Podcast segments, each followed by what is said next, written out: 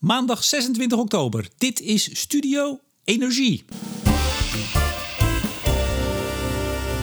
Ruim twee maanden geleden, op 18 augustus, was de negende aflevering van Blik op Olie en Gas. Onze tweewekelijkse podcast over de olie- en gaswereld. En toen was het plotseling stil.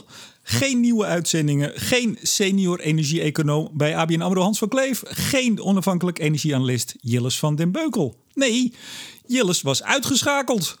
Inmiddels is hij hersteld in blakende gezondheid en fitter en scherper dan ooit. En bespreek ik vandaag met hem de turbulente ontwikkelingen van de afgelopen twee maanden. Maar eerst zeg ik namens Hans en ongetwijfeld alle luisteraars: welkom terug, Jilles. Dank je, dank je wel. Op, op 22 augustus kregen Hans en ik een appje van je. En uh, dat appje sloot je af met de zin: Het goede nieuws is, ik ben er nog. Wat was er, wat was er aan de hand?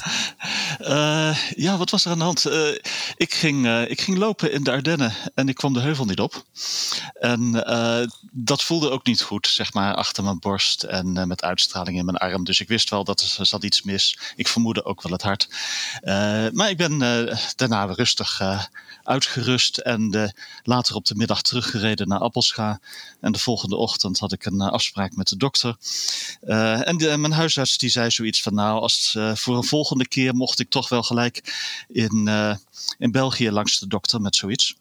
En uh, hij stuurde me nog net niet met de sirene naar het ziekenhuis, maar ik, nee, ik moest wel gelijk door. Dus het, het was mis met mijn hart.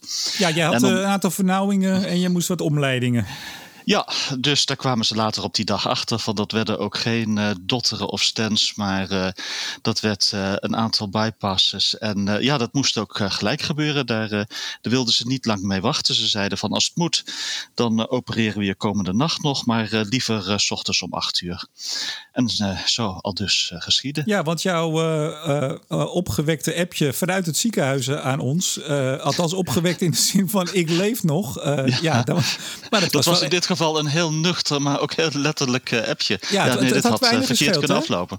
Ja, dit had echt verkeerd kunnen aflopen. Ik heb ook een beetje op een donder gehad dat ik met dit soort dingen niet nog een, een halve dag of een dag moest rondlopen. Ja, hebben mensen allemaal heel vriendelijk gedaan, maar ze hebben me wel duidelijk gemaakt dat ik geluk heb gehad uiteindelijk. Ja, en voor wie nou denkt, die, die, die van de Beukel, die had natuurlijk een conditie van niks. En, uh, maar jij, jij was ontzettend in goede conditie. Jij bent na je pensioen, een paar jaar geleden, ben je naar de Middellandse Zee gelopen. Ja, uh, ik, ben in, uh, ik ben toen uh, inderdaad naar de Middellandse Zee gelopen. de GA5 af. Dat is zeg maar het Pieterpad. En dan ga je bij Maastricht door de Ardennen, ja. Luxemburg, Vogezen en Jura en de Alpen. En toen was aan het eind was ik echt, echt super fit. En ik had een plan. Van voortaan ga ik elk jaar zo'n tocht maken. Nou, dat is er niet van gekomen dus. Maar goed, ik zei net, je, je bent weer in blakende gezondheid. Je, je, kan, je kan de wereld weer aan, hè, zo'n beetje. Ja, ik merk van conditie is niet helemaal. Uh, maar uh, eerlijk gezegd, ik knap vrij snel weer op. Sneller dan mensen mij hadden durven doen hopen. En hebben ja. in de afgelopen twee maanden jou, jou, jouw vingers en jouw stembanden ook gejeukt om jouw mening, jouw commentaar en jouw analyses op de, de, de toestand in de wereld los te laten? Nou, de eerste weken totaal niet. En toen, uh, ja, weet je Remco, ik heb een uh, artikel liggen met, uh, met Lucia voor een Haagse denktank over Rusland. en dat was zoiets van, nou, dat is een lang artikel en dat kwam maar niet af en dat kwam maar niet af. Dat ben ik gaan afschrijven toen in september en begin oktober. Ja, met, met Lucia, ik... Lucia van Geuns. Hey, laten we even ja. de volledige naam, niet iedereen kent Lucia. Nee, nee, nee, nee, nee, nee, nee, natuurlijk, ja. en HCSS is de Hague Center of Strategic Study. Ja, dat is zeg maar Rob de Wijk zijn uh, denktank. En uh, nou ja, dat hebben we afgemaakt. En dat vond ik eigenlijk heel, heel leuk om te doen. Er ging een wereld voor me open. wat een enorme boevenbende, mag ik toch wel zeggen. De Russische, nou, niet zozeer de Russische olie- en gasindustrie, maar wel de, de hele kliek rondom Poetin heen. Kijk uit, ja. ze luisteren mee, Jilles. Pas op wat je zegt, hè? ja, wie weet krijg ik wel allemaal ehm, tweets aan, mijn net, aan mijn nek of zo. nou, nou ja, tweets is niet erg als je, maar, als je maar geen dingen in je koffie of in je water krijgt. Maar dat terzijde. hey, daar gaan we straks aan het eind nog even over hebben in de vooruitblik. Want hij is nog niet uit het artikel. Daar wil ik het straks nog even met je over hebben. Ja, ja. er is wel morgen, als mensen dit... ja, we zenden dit op maandag uit. Morgen is er weer een nieuwe column van jouw hand. Een IEX-column. Is dat ook weer de eerste sinds augustus? Ja, ja, dat is ook echt weer de eerste sinds augustus. Nou, dus Jillis is gewoon helemaal back in business. We gaan meteen lekker beginnen. Nederlands aardgas. Jillis, ik had een uh, podcast met uh, Arendo Scheurs, directeur ja, van de. Ja, heb ik gehoord. Ja, ja, um, En jij ziet een vergelijking tussen um, kernenergie en Nederlands aardgas. En die moet je even ah, uitleggen. Ja, ik twitter zoiets van. Uh, uh, misschien gaat het met aardgas wel net zo als met kernenergie in Nederland. Op het moment dat het weer salonveeg wordt, uh, is het eigenlijk ook te laat vanuit een commercieel point of view.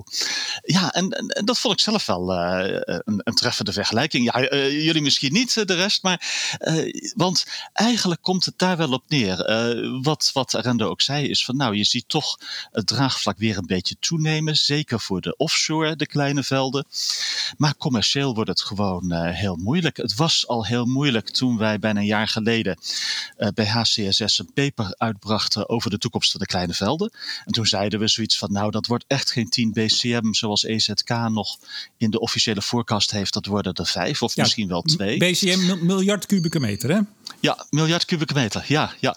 En, en, uh, ja, dat, en, en zeker nu na een jaar met coronacrisis, waarin het gewoon heel slecht ging met de gasprijzen en heel slecht met de gasindustrie. Dit wordt uh, alleen maar moeilijker. We hadden van de zomer, dat was wel een beetje een unicum. Ook voor Nederland, sommige Nederlandse gasbedrijven kwam de prijs onder die van de operationele kosten. En de operationele kosten, dat is puur de kosten om de zaak aan het lopen te houden. Hè? Niet de kosten om te boren en een platform neer te zetten, maar al die kosten heb je gedaan en dan nog het kleine beetje kosten om het aan het lopen te houden. Ja, en zelfs dat redde je niet meer afgelopen zomer. En is er toen, is er toen ook productie ingesloten, zoals er dat is heet? ook in Nederland uh, wat productie ingesloten. Ja, en dat is naar mijn weten de eerste keer dat het ooit om die reden gebeurde. Ja, nou, nou nam de Kamer een motie aan een paar weken terug... Uh, waarin de, de, regering werd opgeroepen om uh, meer aardgas te halen... uit bijvoorbeeld, zoals het er stond, de Verenigde Staten. Minder afhankelijk van de Russen, toch een grote leverancier aan Europa. Wat vond je ja. van die motie? Ja, uh, wat zal ik zeggen? Er komt iets, er komt een mug lang vliegen en je, je, probeert hem zo snel mogelijk dood te mappen. Maar uh, ja dit is uh, reageren niet op het systeem, maar op uh, een, een, een, een, een, ja, een, een probleemoplossing, symptoombestrijding. Uh, maar, maar eigenlijk diezelfde Kamer heeft maanden of jaren daarvoor eerder wel eens gezegd van nou, we moeten geen VS-schaliegas meer doen, want daar zitten zoveel methaanemissies aan. Ja, ja, want dat is het. Hè? Dus meer gas uit Amerika, dat is toch overwegend schaliegas. schaliegas ja. wil de Nederlandse regering, maar ook de Tweede Kamer uh, absoluut niet. En nu was er dus een motie van: wilt u alstublieft wat meer schaliegas uit Amerika gaan halen? Ja, en ik vond het heel treffend, want uit Frankrijk kwam er een heel ander signaal. Daar heeft de Franse regering onder Macron uh, tegen Engie uh, zoiets gezegd van: nou, jullie willen een langdurig contract voor VS schaliegas gaan afsluiten, dat dat LNG naar Frankrijk komt. Dat vinden wij eigenlijk geen goed idee. Gaan jullie daar nog maar eens even over nadenken? En als Macron dat zegt in Frankrijk, dan doe je dat. Ja, en waarom moesten ze over nadenken? Om die dat was puur vanwege uh, Amerika heeft zijn, zijn wetgeving en zijn methaanemissies uh, niet, niet op orde. Uh, schaliegas als LNG naar Europa geeft minstens zoveel, zo niet waarschijnlijk wel wat meer. Al zijn de onzekerheden best wel groot. additionele emissies, methaanlekkages met name als, als Rusland bijvoorbeeld. Ja. Maar hoe kan, hoe kan, toch even Jillis, hoe kan dit nou? Want ik heb het er met, uh, met Henry Bontebal ook wel over gehad. Uh, die zei, ja, waarschijnlijk weten ze helemaal niet uh, waar ze nou eigenlijk voor gestemd of voor gepleit hebben. Denk jij dat ook? je bedoelt de Kamerleden ja, in de Nederland? Kamerleden, ja. Uh, ja, daar heb jij een beter beeld van, Remco. Wat weten Kamerleden wel en wat weten Kamerleden niet? Soms denk ik, ze weten heel veel, maar ze hebben hun redenen om bepaalde dingen niet hardop te zeggen of keuzes te maken. Uh, volgens mij heeft Tom van der Lee heel veel dossierkennis. Zeker. Maar uh, ja, dus, maar, maar, maar soms, ja, in dit geval. Nou, volgens mij waren het andere Kamerleden. Precies, het waren het buitenland, buitenlandwoordvoerders. Ah, ja, ja, ja. Maar bijvoorbeeld even vandaag, wanneer wij dit opnemen is uh, Qatar weer in het nieuws. Uh, nou, dan moeten mensen maar even opzoeken wat daar speelde. Uh, grote ophef met, met dames op het vliegveld. vrij, nou ja, vrij onsmakelijk en, en oh. buitengewoon. ja, hoe zeg ik dat netjes? Nou, zoek het Niet op. Netjes. Niet netjes, laten we het zo zeggen. Die, die geruchten, of de, nee, de geruchten, de, de uh, rapporten over mensenrechten schendingen in Qatar. Maar Qatar is wel met uh, Rusland en, en de VS uh, eh, de grote vloeibaar gasleverancier aan Europa. De grootste, wereldwijd althans. Ja, wereldwijd. maar goed, in ja. Europa, ik heb nog even de getallen gekeken. Europa, ja, ja, ja. Nee, maar, je kunt er dus op wachten dat er binnenkort een Kamercommissie bij elkaar komt. En die doet weer een oproep dat we minder LNG uit Qatar moeten gaan halen. Ja, waar blijven we nog? Ja, ja, en het, het frappante is, als je kijkt naar de emissies bij het eh, maken van LNG en het produceren daarvan. Uh, wij denken vast, Qatar, klein landje in het Midden-Oosten, die doen dat vast niet netjes. Die doen dat netter met minder emissies dan de VS of Rusland. Ja. Allemaal naar Qatar. Nou, als je dan per se LNG wilt binnenhalen, kun je dat voor het klimaat beter doen uit Qatar, ja. Ja, maar je kunt het natuurlijk beter uiteindelijk uit de Nederlandse bodem halen als je het daar veilig en verantwoord kunt winnen. Veilig en verantwoord, eh, dat heb ik vaker gehoord. Ja, ja.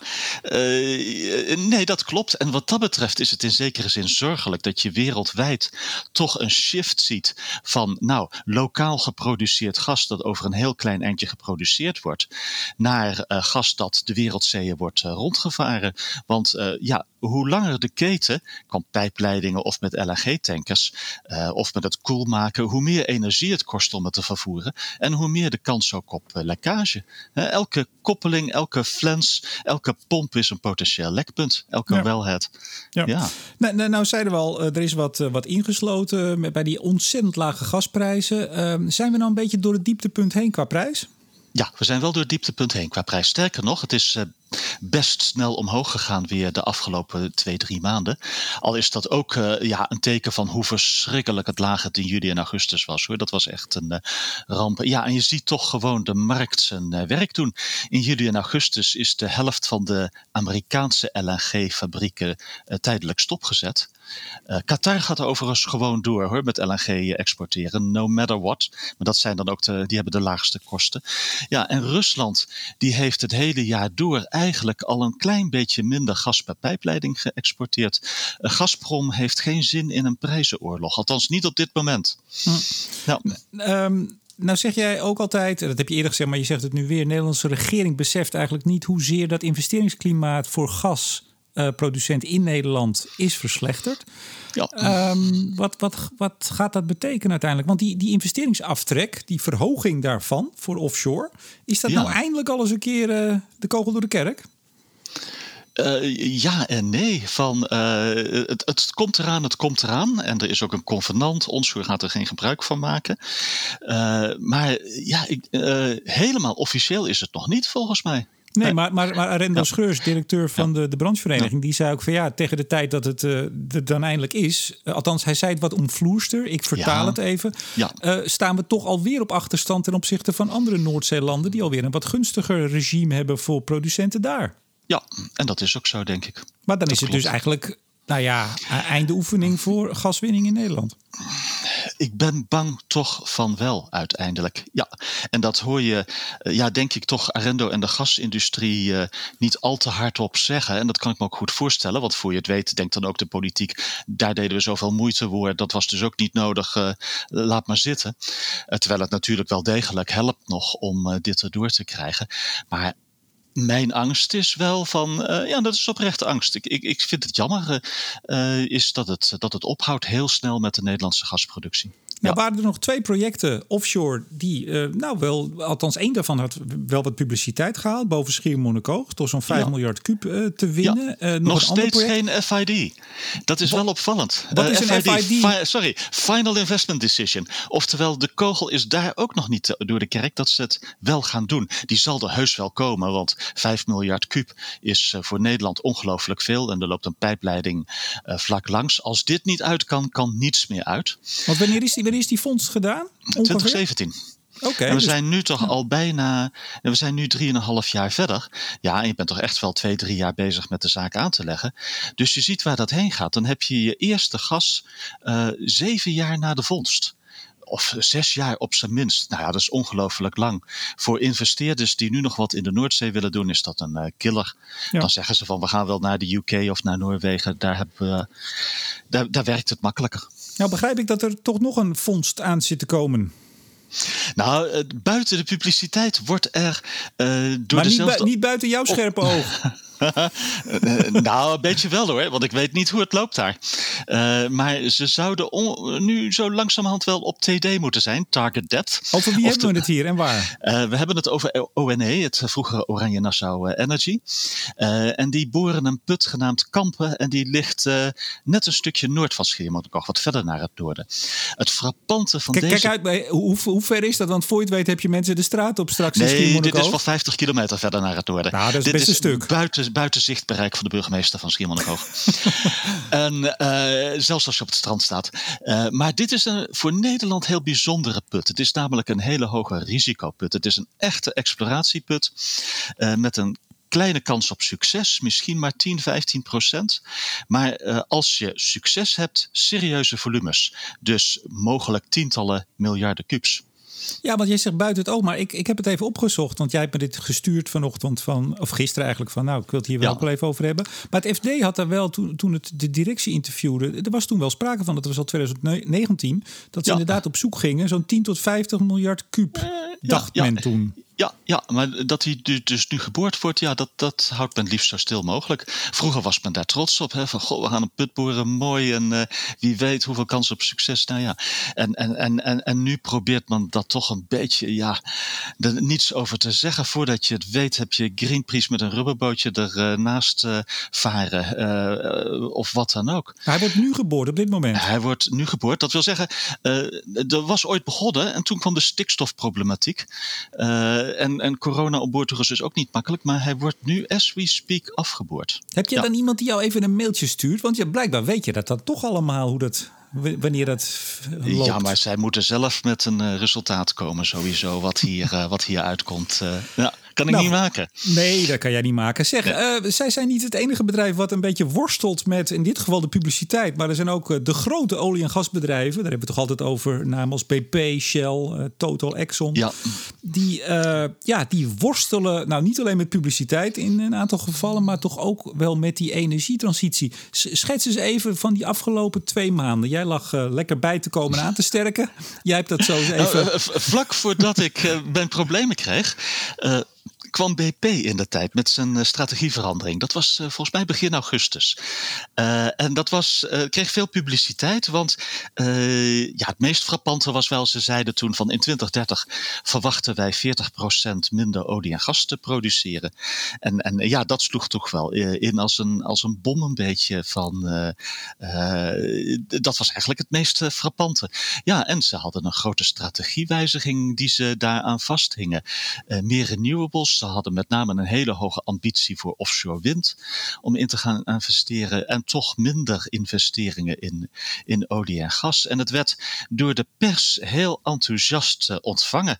Uh, toch wel uh, ja, van goh, de eerste olie multinational die nu dus echt publiekelijk toegeeft dat het einde van olie eraan zit te komen. Maar je zegt heel expliciet, de, je zegt ja. expliciet de pers, maar de aandeelhouders in het begin toch zeker ook wel even, want die koers die Nee, dat was juist het teleurstelling teleurstellende toch ook. Voor mij ook hoor, maar ook voor BP denk ik. Uh, als je de laatste drie maanden sinds die aankondigingen de koersen naast elkaar zet, dan ging BP 30% terug en bijvoorbeeld Shell en Total tussen de 15 en 20%. Met andere woorden, de pers is reuze enthousiast. Investeerders zijn reuze enthousiast, althans met hun mond, maar blijkbaar toch niet met hun hart. Maar toch wel vlak na die aankondiging, of zit ik nou helemaal mis? Ja, misschien de dag daarna, maar als je kijkt over de drie maanden, nee, zijn ze 30% omlaag gegaan en is dat meer dan eh, Shell en Total omlaag gingen. Wat, wat jammer is hoor, in wezen wat teleurstellend is. Want wat, wat moet een oliemultinational uh, dan gaan doen? Als zelfs dit soort strategieveranderingen uh, het niet helpt met de koers, wat, wat kun je dan nog doen? Ja, we, dan kun je het, het niet goed meer doen. We hebben het zo even over de anderen. Want je zei ze hebben een aantal dingen aangekondigd. Zijn ze dat inmiddels ook aan het uitvoeren? Zien we daar al wat van? Nou, dat, dat gaat over ambities in 2030. Je kunt daarvan weinig zien. Maar je hebt wel één ding gezien. En dat is dat ze zich ingekocht hebben in het grote eh, US offshore windproject van Equinor, Statoil. Uh, die zijn aan het, een, een groot offshore windproject aan het opzetten aan de oostkust van de VS. En daar heeft BP zich net ingekocht. Volgens mij ook, nou, ik wilde vanaf zijn de precieze datum, ergens in september dacht ik. Maar in ieder geval na de strategiewijziging. Ja. Waarom denk je nou dat BP hier toch, uh, in ieder geval dan voor de pers, laten we het daar aan toe beperken, uh, voorop loopt? Want dan komt er altijd om de hoek kijken, en jij mag zeggen wat het is, dat ze de hoogste gearing hebben.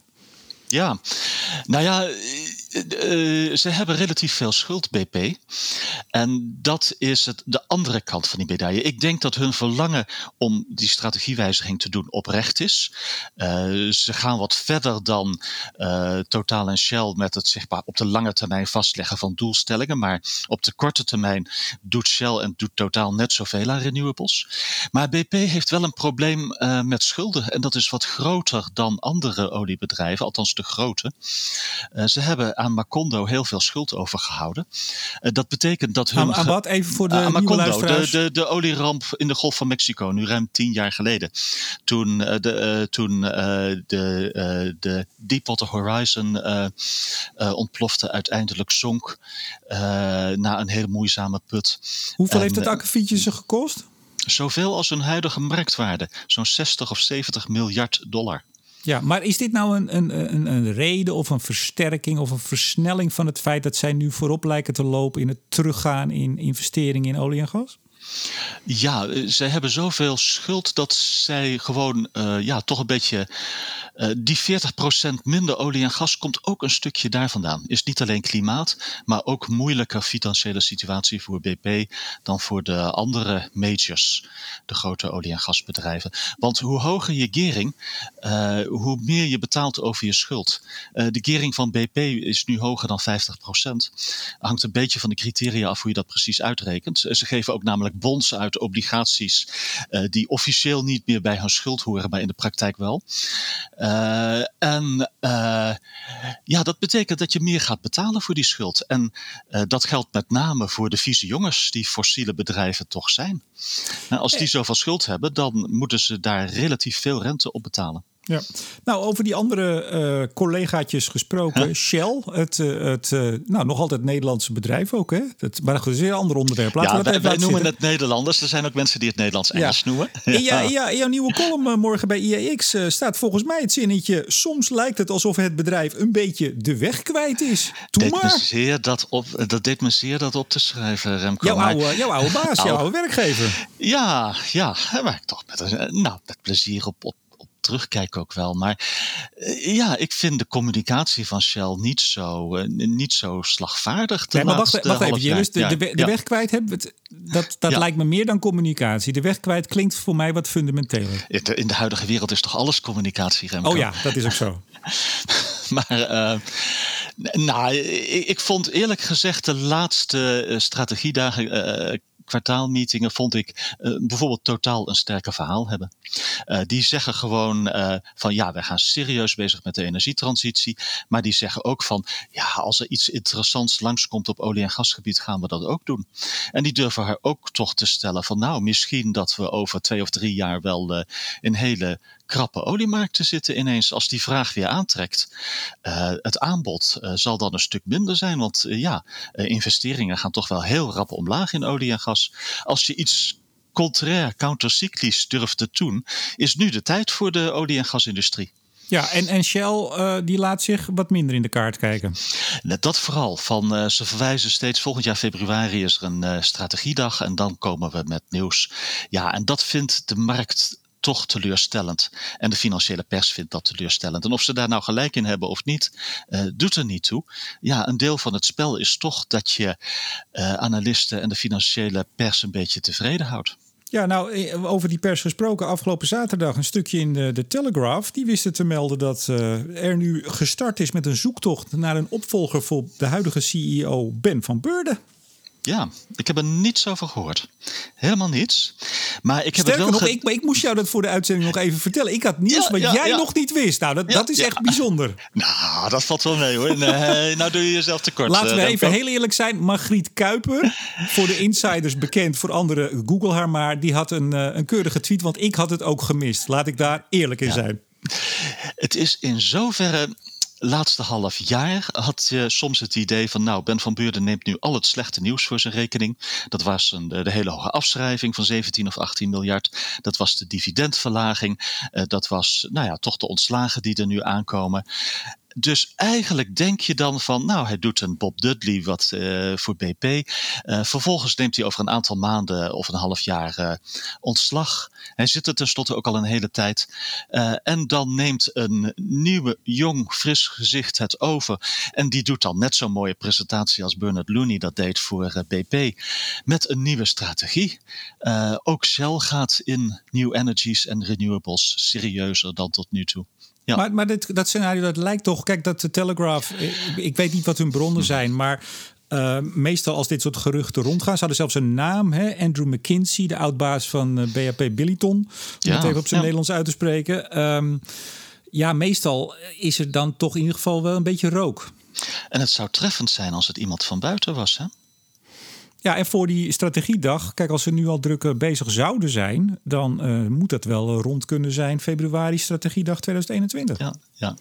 Ik kan verder alleen maar speculeren. Je ziet intern niet zo'n hele duidelijke kandidaat. Dus ja, misschien komt er dan wel een kandidaat eh, van, van buiten. Ja, en een strategiedag zou een mooi moment zijn voor een, eh, voor een nieuwe man of vrouw. Exxon Mobil, Mobil, Mobiel. Ja. XOM. Ehm, daar, daar was het een tijdje stil. Die zitten lekker in de olie, zal ik maar zeggen. Ehm, maar daar lijkt toch ook wel nu iets te gaan gebeuren. Die moeten ook wat. Ja, ze zitten in de olie, maar niet lekker. Want eh, ja, je ziet ExxonMobil heeft langer gewacht dan de andere bedrijven met het terugschroeven van de investeringen. Uh, dat was toch lang het traditionele ExxonMobil verhaal. Wij zijn ExxonMobil uh, en wij gaan gewoon door met investeren uh, of de olieprijs nou hoog of laag is. En dat is op de lange termijn een goede strategie. Ja, en je ziet nu toch dat dat uh, een probleem heeft, die strategie. Uh, ook hun schuld loopt op. ze zijn serieus aan het terugschroeven met investeringen. Daar zijn ze later mee begonnen dan anderen. wat wel vol doorgaat is de Guyana bij Suriname investeringen. Dat is hun grote nieuwe groeigebied offshore. Dat loopt ook maar, lekker daar, toch? En er komen serieus ontslagen aan bij ExxonMobil. En ha, uh, mijn voorspelling, uh, Remco. Ja. Uh, ik heb ooit voorspeld, Shell gaat het dividend omlaag doen. Of er is een goede kans dat. en vervolgens BP. En ik heb er heel vaak in mijn leven naast gezeten. Maar met die twee dingen zat ik er, zat ik er goed bij. Dus ja, toch, ik zie ExxonMobil nu als derde grote major wel teruggaan met het dividend. Misschien niet met de komende kwartaalcijfers van vrijdag. Maar dan wel misschien met de jaarcijfers aan het, aan het eind van het jaar. Ja, ja. Ik, ik, ik zag uh, interne brief, groot aantal ontslagen aangekondigd. Stuurt, stuurt men dan zo'n brief naar jou of hoe, hoe, hoe kom jij daarachter? Nee, maar interne brieven komen altijd naar buiten. Ja, uh, of ze nou van Shell, BP of uh, ExxonMobil zijn, uh, ja, die gaan naar zoveel mensen. Dat, dat ja, is meer de vraag van hoeveel minuten duurt dat? Er landt er altijd wel eentje in Appelscha, zeggen we dan. Nou, en, en vervolgens komt er ook wel een in, in, in, in Appelscha, ja. ja. ja. Hey, derde kwartaalcijfers, daar staan we weer voor. Je zei het al, vrijdag. Ja. wat zijn je verwachtingen? Ja, toch vrij slecht. Uh, want de olieprijs die trekt wel aan. Uh, maar de gasprijs deze zomer was bijzonder laag. En wat voor de LNG-mensen uh, toch echt wel meespeelt, is een boel van de LNG-contracten in Azië zijn lange termijn olie geïndiceerde contracten. Kortom, tot nu toe ging dat wel goed met de prijzen die daarvoor betaald werden. Maar nu zie je daar de val van de olieprijs van een half jaar geleden in door beginnen te filteren. ja, en, en gaat prijs die uh, LNG-producenten krijgen voor LNG in Azië serieus omlaag. En verder, ja, raffinagemarges is, is absoluut huilen. Uh, en, en ja, uh, je had in het tweede kwartaal had je dat uh, de trading het heel goed deed, de handel, omdat er contango was. Dus olie over drie maanden is veel meer waard dan olie nu. Ja, en dat effect is veel minder geworden. Dus je kunt minder makkelijk met je grote opslagcapaciteit aan de handel nog, nog veel verdienen. Nou, huilen dus. Dus we gaan het afwachten. Kijken of je weer gelijk hebt. Ja, maar we, we beginnen de tranen op te drogen langzaam in de olie- en gasindustrie. En je ziet nu ook, ja, er beginnen overnames te komen. En dat is toch een teken van, ja, uh, mensen denken, terecht of onterecht, dat er uh, uh, toch het dieptepunt eraan ziet te komen of bereikt is. Ja, ja en dan met name zien we het ook bij, bij schalieolie in de VS, hè? Ja, dus daar worden de krenten uit de pap gevist. Dus een bedrijf als, als Concho of als Parsley, toch de goede bedrijven, ja, daar wil men nog wel geld voor neertellen, maar niet te veel. He, de, premies, het, je... de overnamepremies zijn heel laag. Ja, je moet het ook precies op het goede moment doen, hè? dat is de truc. Ja, dus dat was het probleem van, uh, van, uh, van Occidental met Anadarko, de overname van een jaar geleden. Nou, dat hangt nu als een molensteen om het, dat bedrijf uh, heen. Ja. Nou, we begonnen met, uh, met Nederlands aardgas. Uh, we, we, gingen naar onze grote olie- en gasbedrijven uh, ter wereld. En laten we dan eindigen met de World Energy Outlook. Twee weken geleden. Toch de bijbel van de energiescenario's. Paradepaardje van het Internationaal Energieagentschap. Ja. jij hebt hem natuurlijk alweer als eerste volledig uit. Die, die vuistdikke bijbel. ja, dat, dat tweette ik de eerste dag. Nou, ik ben op een derde gekomen toen. Kijk eens aan. Wat is je... Kan, kan je dat, kan, is dat een vraag? Wat is je opgevallen? Heb je iets wat je zegt van... Nou, dat stak stak er toch echt wel uit? Dat is een vraag. Uh, zeker, ja. Dat is een vraag, ja. Wat is het antwoord? Nou, ik denk dat er zijn twee opvallende dingen. Uh, en mij viel dan, wat mij het meeste opviel, is ja, de grote onzekerheid op dit moment in de coronacrisis. Voor de energiewereld is dat het grote korte termijn uh, probleem. He, wij of, kunnen, of lange termijn? Lange termijn, uh, ja, misschien ook wel. Het wordt in ieder geval langer. Maar ja, je kunt je zorgen maken over de energietransitie en klimaat. Maar ja, dat is decennia voordat je huis onder water staat. Maar nu, op dit moment, op dit uur, deze minuut staat de zaak in de hands. En, en, en dat is, ja, het blussen daarvan is het, is het echte probleem. Eh, de, de, de, de lage olie- en gasprijzen door corona is ja, het grote probleem nu voor olie en gas. En de grote vraag die het IEA zich stelde is van wordt dit een, een, een, een één of twee jaar crisis of wordt dit een tien jaar crisis op energiegebied? Ja, dat weten ze ook niet. En als je iets niet weet, dan maak je twee scenario's. Dus dat deden ze ook. Ze deden een scenario met een snel herstel en ze deden een scenario met een langzaam herstel. Ja, want we hebben, het, het regelt altijd scenario's. We hadden al het stated policy scenario, een beetje business as usual. Het, nu het ja. DRS, het Delayed, Delayed recovery. recovery. scenario. Dan hebben we natuurlijk het Sustainable Development scenario, SDS. die was er ook wel. En nu is er ook nog het Net Zero Emissions 250 scenario. Ja, dus dat is zeg maar een, een, een SDS heavy uh, van uh, sustainable development, maar dan echt vol richting anderhalve graad.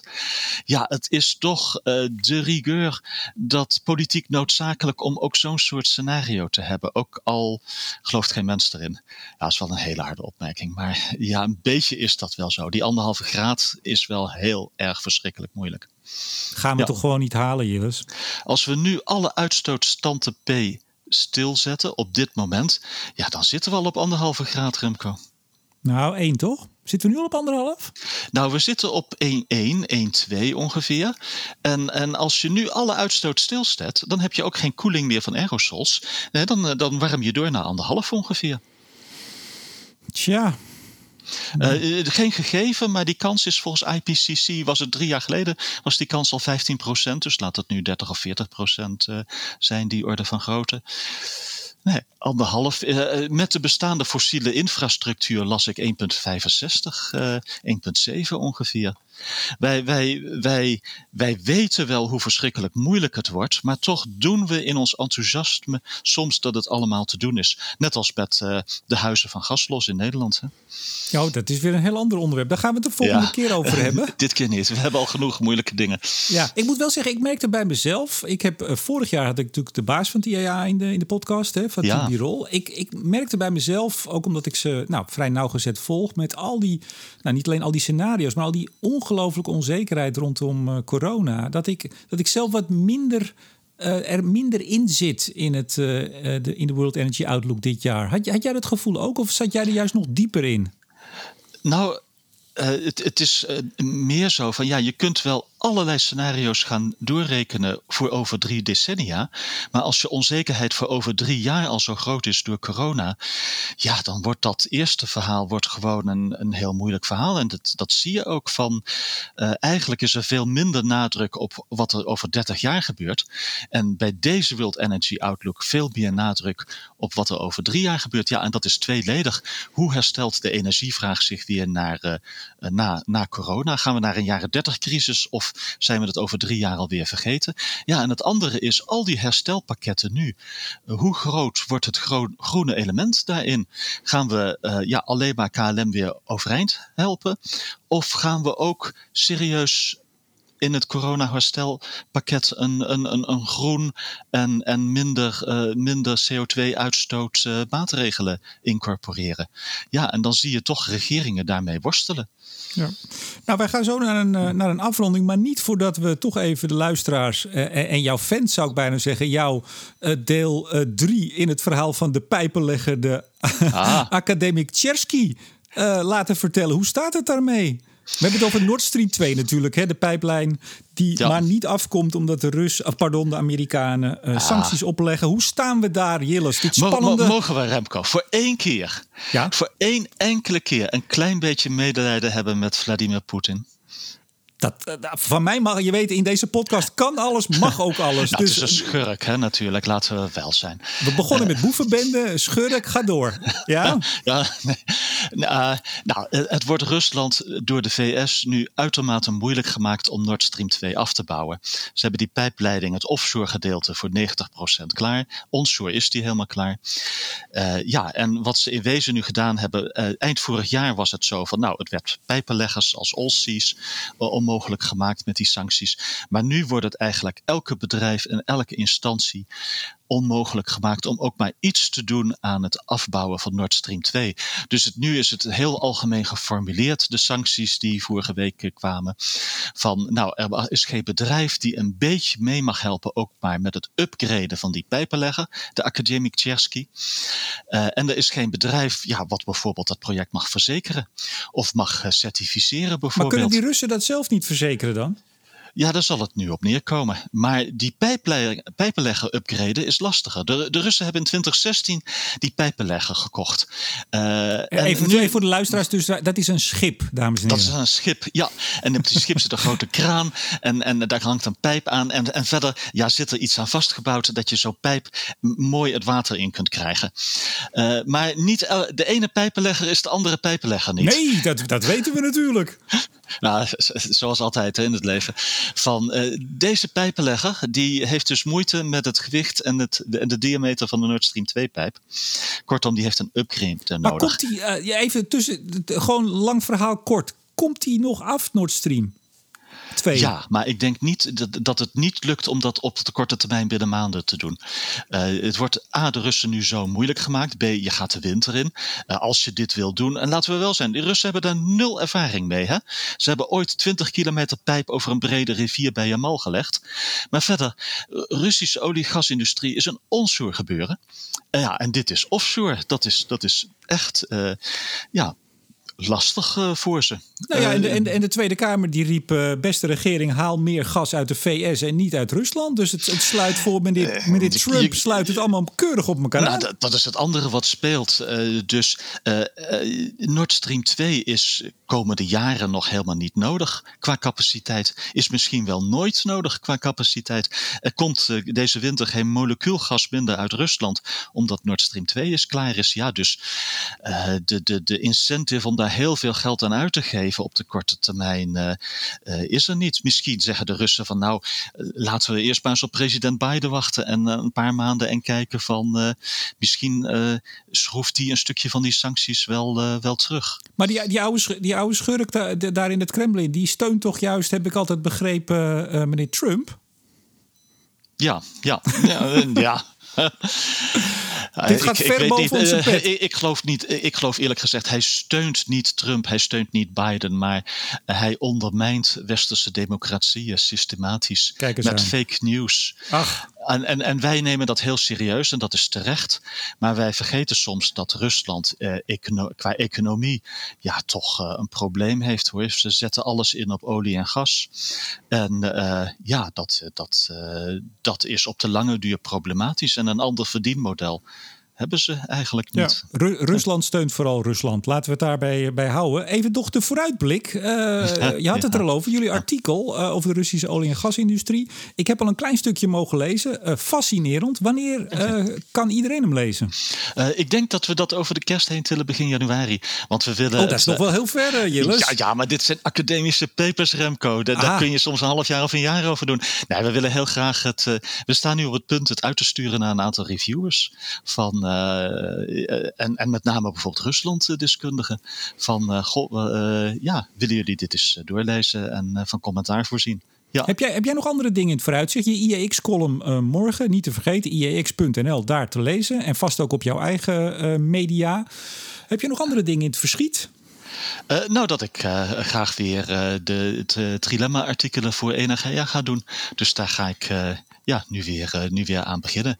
Uh, CCS is een mooi onderwerp. Misschien een keer over nucleair, uh, groene waterstof. eigenlijk alle onzekerheden in de, in de energietransitie. Van wat voor technische onzekerheden komen er allemaal aan? Hoe snel gaan de kosten van groene waterstof omlaag? Daar wil ik wel eens, wil ik wel eens induiken. Ja, en, ja. En, dan, en dan moet je ook nog ieder jaar naar de Middellandse Zee lopen. Eh, ja, ooit zou ik dat wel weer een keer eh, willen doen. Maar ja, eh, het is bij die ene keer gebleven. Van, van Appelscha naar, naar Monte Carlo. En, Hoe lang heb je erover gedaan toen eigenlijk? 113 dagen. En terug? nou ja, twee uurtjes, hè, drie uurtjes met het vliegtuig. Hey, even uh, toch ook nog vooruitblik. Uh, deze podcast, want je bent er weer. En uh, misschien dat mensen zich de afgelopen, wat is het, ongeveer 40 minuten hebben afgevraagd. Waar is Hans? Waar is Hans van Kleef? Uh, energie-econoom ABN AMRO zeggen we er dan altijd bij. Senior, pardon. Senior energie-econoom ABN AMRO. Um, ja, even toch voor de luisteraars. We hebben eigenlijk uh, besloten, en dat hebben we met z'n drieën gedaan... een beetje onafhankelijk eigenlijk van elkaar. Als je dan twee maanden uit de lucht bent... geeft dat ook wat tijd om na te denken. Om het uit elkaar te halen. wij één op één, jij en ik en Hans. omdat we toch... Uh, eigenlijk, of jullie eigenlijk met z'n tweeën op een wat andere, een ander, hoe zeg je dat, uh, Jilles? Spoor zitten, ander terrein. En we eigenlijk met z'n drieën wel voelden. Hans kan bijvoorbeeld eigenlijk niks over, of bijna niks over bedrijven zeggen vanuit zijn functie bij ABN Amro. Um, dus wij vonden eigenlijk alle drie wel, als ik het netjes zeg, toch? Zeg ik het goed? Ja, ja dat, prima. Dat, dat, ja, ja. Hans moest soms best wel lang even zijn mond houden, letterlijk in de podcast. Omdat hij dan daar niet over mee kon. Uh, terwijl ook op zijn terrein, en dat gaat dan meer over commodities, hè, over die olie- en gasprijs. Ook een wondere wereld. Um, uh, dat dat misschien soms dan niet allemaal uit de verf kwam. Dus we gaan uh, knippen. Bij deze. Ja, dus uh, voortaan. En ik denk ook dat we het gewoon onder het Studio Energie logo wat meer doen. Uh, af en toe uh, praten wij met elkaar en af en toe doe ik dat met Hans. Misschien doen we het ook iets onregelmatiger, iets meer afstand. We zaten ook wel erg vaak, hè, iedere twee weken. Soms hadden we veel en soms misschien ook wel wat minder. Dus we gaan het allemaal even iets, iets anders doen. Ja. Maar blij dat je er weer bent. ja, dank je. En, en dat, je er, dat je er nog bent, zoals jij appte. Ja, ja, ja, dat was wel een uh, raar moment. Uh, ik heb het aan meer mensen ge geappt toen. Uh, ik had wat afspraken lopen dat weekend. En ja, ja, die schrokken dan toch wel een beetje, ja. Je bent er weer. Tot zover deze aflevering van Blik op olie en gas bij Studio Energie... met onafhankelijk energieanalist Jilles van den Beukel. Tot de volgende keer. En mijn naam is Remco de Boer. Tot de volgende keer.